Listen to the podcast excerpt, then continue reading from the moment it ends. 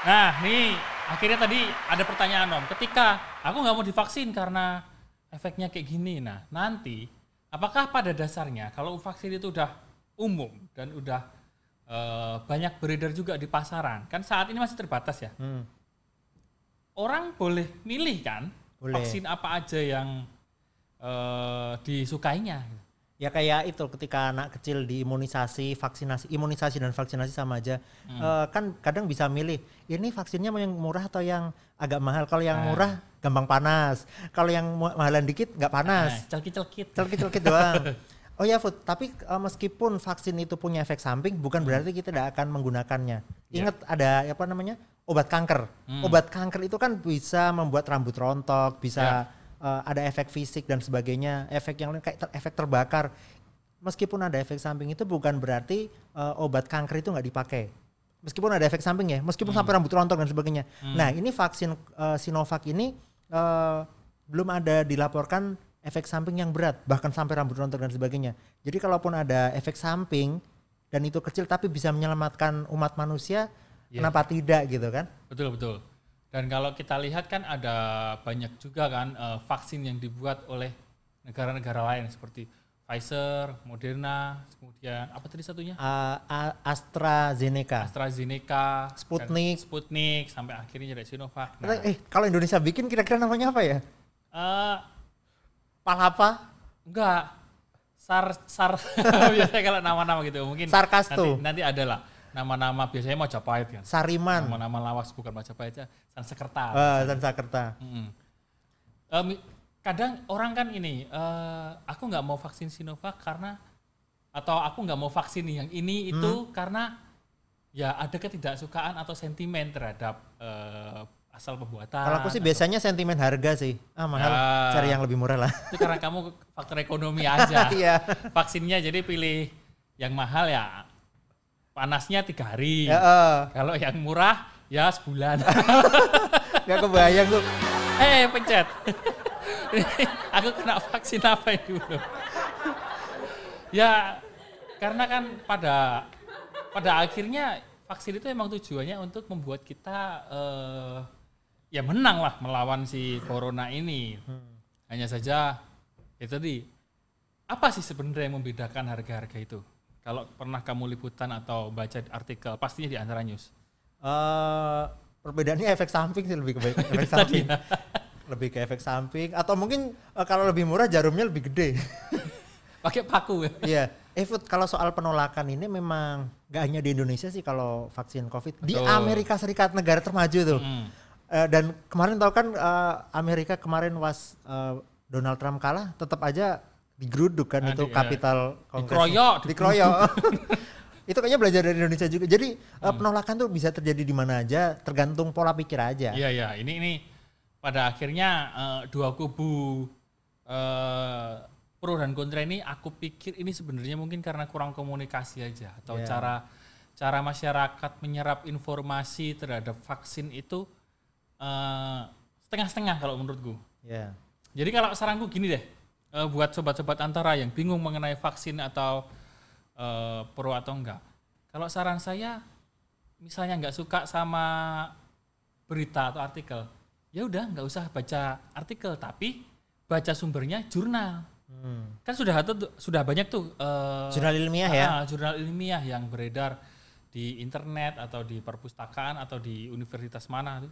Itu kan banyak hasil penelitian mengenai corona ini walaupun setahun ini ternyata banyak juga yang udah penelitian dibuat. Nah, itu itu ilmiah loh. Iya. Kalau misalnya orang membaca jurnal ilmiah ada udah jurnal ilmiah aja udah nggak percaya dan masih dibilang hoax. Nah, itu yang susah. Ya memang intinya dia kayaknya backgroundnya kayaknya batu kayak batu. Ya, ya. Tapi perlu air menetes ke kepalanya biar lama-lama berlubang. Batunya maksudnya. Apalagi ada yang panas itu. ya. Heeh.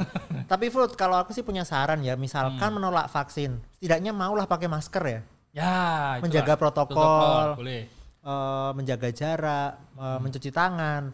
Karena kalau kamu nggak punya vaksin disuntik, setidaknya gunakanlah maskermu sebagai vaksin. Ya, ya, karena kan tingkat kesadaran masyarakat sendiri itu juga salah satu kunci. Hmm. Bukan hanya vaksin, tapi kesadaran masyarakat juga menjadi kunci bahwa ya kita bisa mengusir corona itu kalau kita nilai sebagai penjajahan ya, penjajahan atas virus atas manusia Ya, kan. ya. Nah, tapi kalau udah divaksin nggak mau, keras kepala, terus nggak pakai masker dan Hmm. tidak mematuhi protokol kesehatan, nah itu kan yang susah. Ya. Yang lain sudah berusaha sehat, nah dia ini. Nah kalau ada yang masih nggak percaya, ya kadang ada yang corona itu bohong atau corona itu, saya sendiri kan ngalamin. Ya, Saya- sempat tertular alumnus ya. Dan, dan saya survivor dan Dulu IPK-nya berapa itu? ketika lulus saya hampir sempurna. Hampir sempurna, hampir komlot ya. saya nggak mau remedi juga. Oh, enggak remedi. saya nggak mau remedi karena saya juga baru ngalamin waktu itu sakit yang seperti itu dan gejala seperti itu seumur umur juga baru itu karena ini juga penyakit baru kan jadi saya menjamin bahwa eh, ini ancaman ini ada gitu ancaman ini ada karena saya berani bilang gini karena saya merasakan nggak cuma ngomong dan dan jangan sampai deh doa doa doa saya sih jangan sampai dan udahlah cukup loh kalau bisa cukup di saya aja kan berhenti di saya bukan berhenti di kamu nah sampai akhirnya vaksin ini kan sudah mulai berarti kan sudah eh, kita sudah melalui tahap perperangan ini sudah mulai eh, melawan balik kan. Ya. Kita sudah fight back bahwa vaksin sudah ada, tinggal kita mau dikembangkan. Nah, harapan saya itu ketika masyarakat itu tadi eh, sudah protokol kesehatannya patuh, kemudian eh, apa visinya juga sama yaitu mengusir corona ini. Sampai akhirnya nanti mungkin mau atau nggak mau, yaitu tadi itu urusan nanti. Tapi pada akhirnya orang itu eh, berpikir bahwa ada salahnya juga bahwa bahwa yang sudah disuntik vaksin itu merasa dia nggak akan kena. Nah, itu. Nah, itu kan kurang tepat. Ya, padahal kan pemerintah selalu mengingatkan meskipun Hmm. sudah divaksin, itu tetap harus menjaga protokol kesehatan. Betul. Karena vaksin itu, Food, Ah. vaksin itu meskipun membuat kebal, tapi bukan berarti dia nggak akan terin- terinfeksi. Hmm. Jadi kalau dia terinfeksi sebenarnya mengurangi tingkat kesakitan. Jadi Betul. Afud sebenarnya kalau karena dulu pernah terinfeksi sebenarnya tubuhnya lumayan kebal kalau misalkan lagi, tapi sampai jang- jangan sampai ya. Sampai lah. Karena merusak tatanan kehidupanmu sendiri kan. Iya. Dijauhi. Ekonomi. Iya. dijauhi. Yang biasanya aku dijauhi teman, ini makin jauh. Apa nggak punya teman aku? Waduh, sebatang kara ya. Ya, sebatang korek lah udah. Eh, Terus kemudian eh, ada juga pertanyaan besar kita kan bahwa terus kalau udah divaksin kok belum aman? Lalu fungsinya apa? Ya kan? Ya tadi kalau untuk Sinovac sendiri ini sebenarnya eh, tahapan vaksinasinya itu kan dua kali ya, sebagaimana disampaikan BPOM, sebagaimana disampaikan otoritas kesehatan pemerintah, Hmm. dua kali. Yang pertama disuntik, terus menunggu sekitar dua pekan, baru disuntik kedua biar sudah kebal, makin kebal lagi. Booster.